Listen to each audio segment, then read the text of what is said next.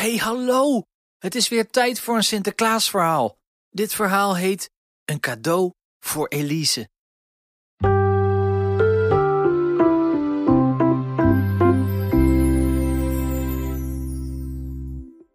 Dit verhaal speelt zich lang geleden af. Misschien wel meer dan honderd jaar.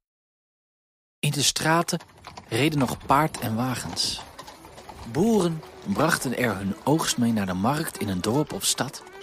En bakkers en melkboeren gingen ermee langs de deuren om brood en melk te brengen bij rijke lui. Hey Karel, hoe gaat het? Elise aaide over de snuit van het paard van de bakker. Ze keek even schichtig om zich heen en haalde toen een wortel uit haar schort. Ze gaf het aan Karel. Hier, eet maar lekker op. Maar niet zeggen tegen de oude mevrouw, want als ze erachter komt dat ik je een wortel heb gegeven, dan zwaait er wat voor me. Karel rook even aan zijn lekkernij en at het toen gretig op. De oude mevrouw waar Elise het over had, was de mevrouw voor wie ze werkte. Elise was een dienstmeid. Als je in die tijd als meisje oud genoeg was om de handen uit de mouwen te steken, dan ging je werken. Dienstmeid was een populair beroep, zeker bij rijke lui. Want dan woonde je bij de mensen voor wie je werkte. En meestal was het er schoner en ruimer dan waar je vandaan kwam. En het was er altijd warm. Daartegenover stond dat het hard werken was en dat de mensen voor wie je werkte niet altijd even aardig waren. De oude mevrouw waarvoor Elise werkte woonde alleen. Haar man was lang geleden overleden. Elise's moeder kende iemand en die kende weer iemand die wist dat de oude mevrouw een dienstmeid zocht. Eerst had ze Elise te jong gevonden, maar toen ze bedacht dat ze ook minder hoefde te betalen, was Elise toch aangenomen. Elise's ouders waren arm. Ze woonden in de steeg aan de andere kant van de stad. Elise had ook een oudere broer. Hij heette Bram en was al veertien. Zij was pas twaalf. Bram was al een paar jaar naar school geweest, maar Elise had niet gemogen. Wat heb jij nou aan school? We hebben je hard nodig om geld binnen te brengen. Je moest maar gaan werken, had haar moeder gezegd toen zij erover was begonnen. En Bram dan? had Elise gevraagd. Het enige wat ze te horen had gekregen was dat ze niet zo brutaal moest doen. De oude mevrouw, voor wie Elise werkte, was meestal nors en zei niet veel. Elise vroeg zich wel eens af of ze stiekem in het leger had gewerkt, want ze kon alleen maar commanderen. Elise, klop het kleed uit. Elise, ga wat naaigaren halen. Elise, verschoon mijn bed. Elise, leeg mijn po. Zo ging het de hele dag door. Zo, ik ben klaar hoor, zei de bakker. Ga je mee, Karel? Karel brieste even ten teken dat hij het had begrepen. De bakker riep: Hotsik! En Karel bracht de wagen in beweging. Tot over een paar dagen, zwaaide de bakker naar Elise. Elise zwaaide terug en ging direct de stoep vegen. De oude mevrouw hield niet van de vieze stoep. Elise! Ach jee, dacht Elise. Wat zou mevrouw nu weer van me willen? Ze liep naar binnen en zag de oude mevrouw voor de haard zitten met een deken over haar benen. Zonder haar aan te kijken riep de oude mevrouw: De bakker is vergeten mijn speculaas te bezorgen. Die ga jij nu halen in de winkel aan de Hoofdstraat. Ik weet heus wel waar de winkel van de bakker is, dacht Elise. Je hoeft geen geld mee, laat hem maar op de rekening zetten. Dan betaal ik hem de volgende keer wel als hij aan de deur komt. Even later liep Elise op haar klompen over de keien.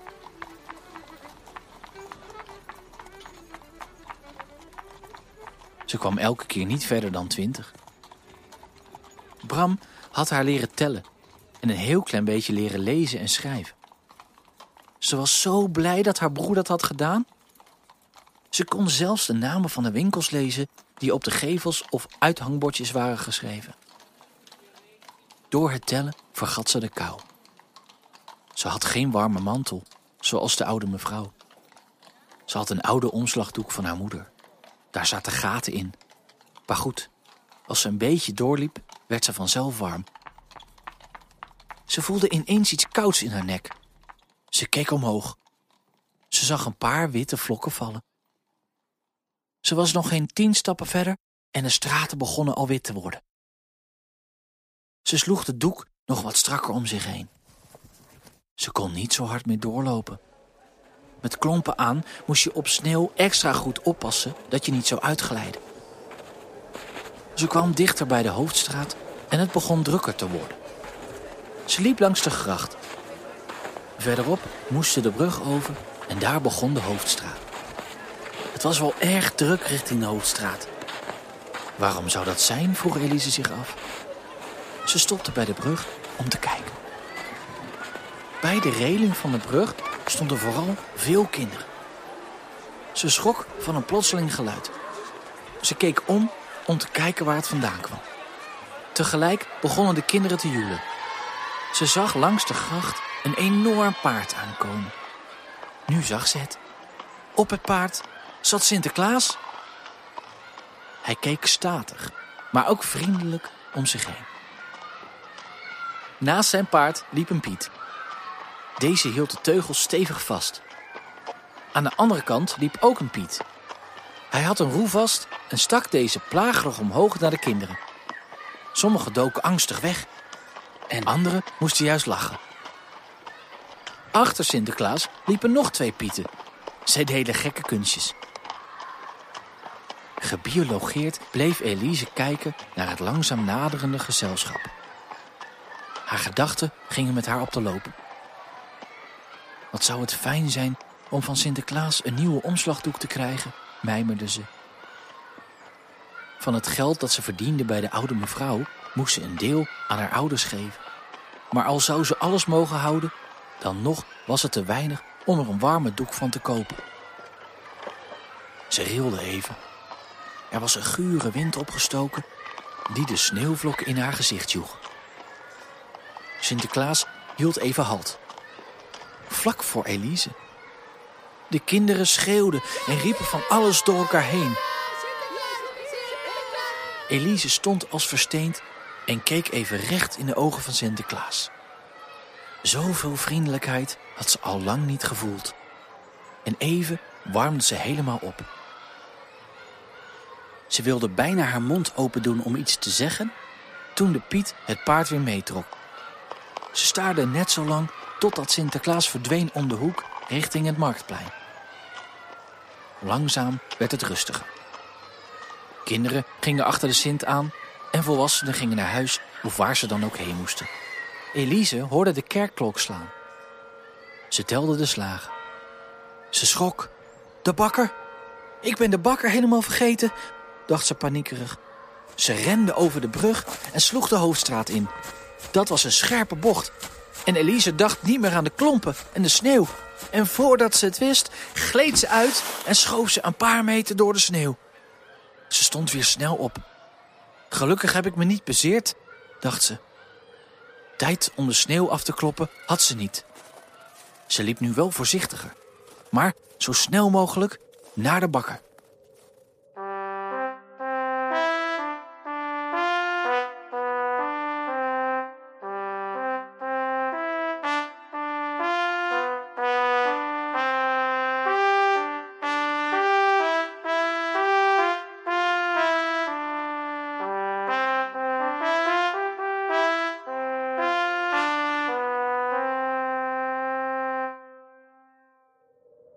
Gelukkig zag ze nog licht branden van de olielampen die de bakker altijd in de vitrine had staan. Dat gaf altijd zo'n mooie en warme gloed. En tegelijk met de heerlijke geuren die uit de winkel kwamen, werd Elise daar altijd blij en hongerig van. Maar daar had ze nu geen tijd voor. Ze duwde de winkeldeur open en vrolijke belletjes heten haar welkom. Het was warm en leeg in de winkel. Ze was de enige klant. En van achter de toonbank riep de bakkersvrouw... Zo, Elise, jij wilde verder als sneeuwpop door het leven?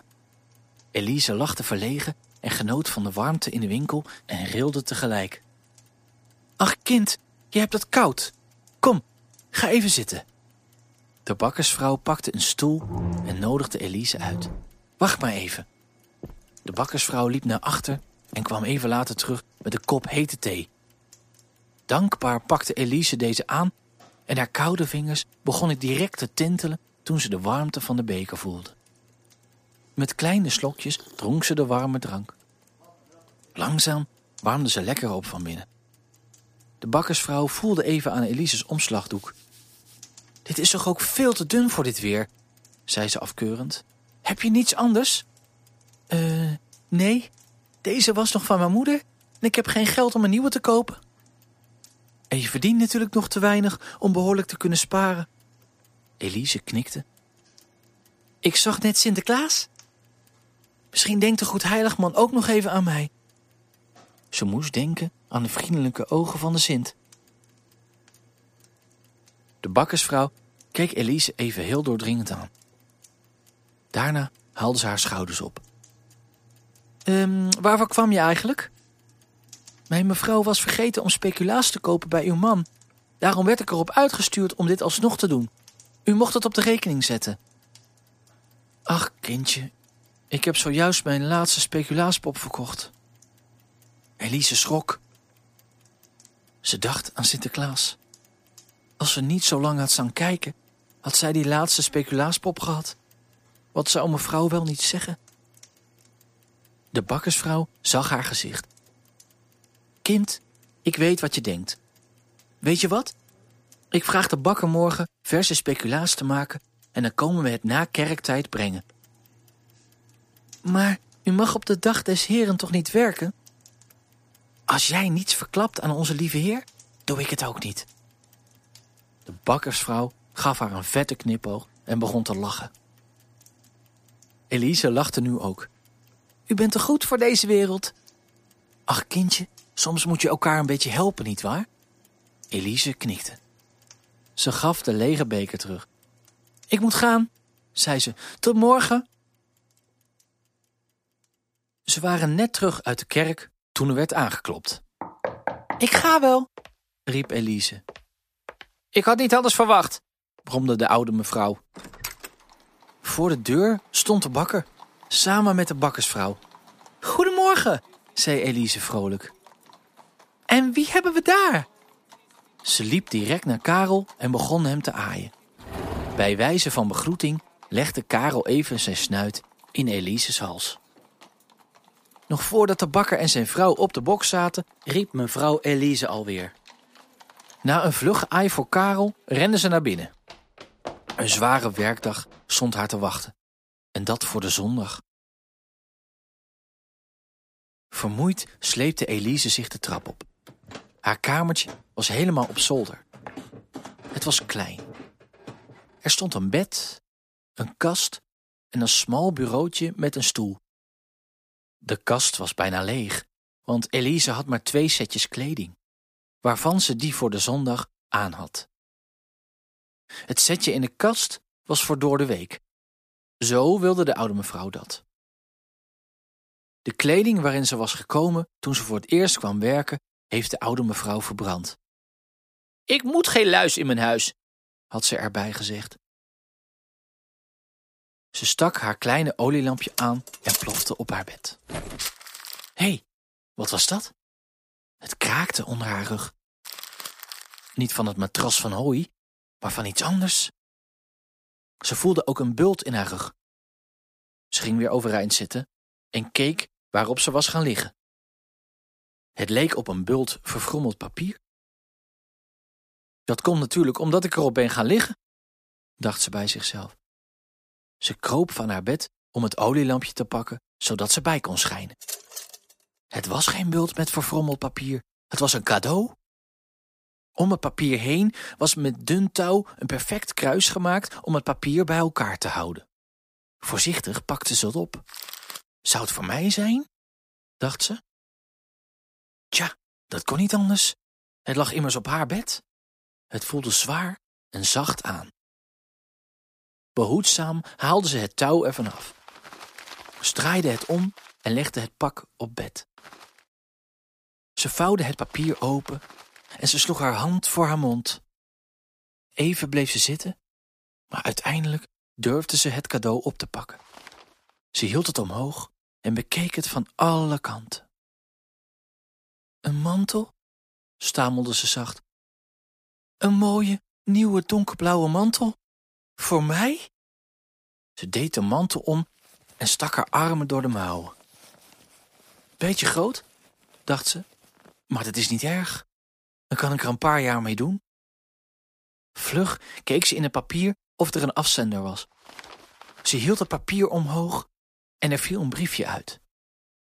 Ze raapte het op van de grond. Ze probeerde het te lezen.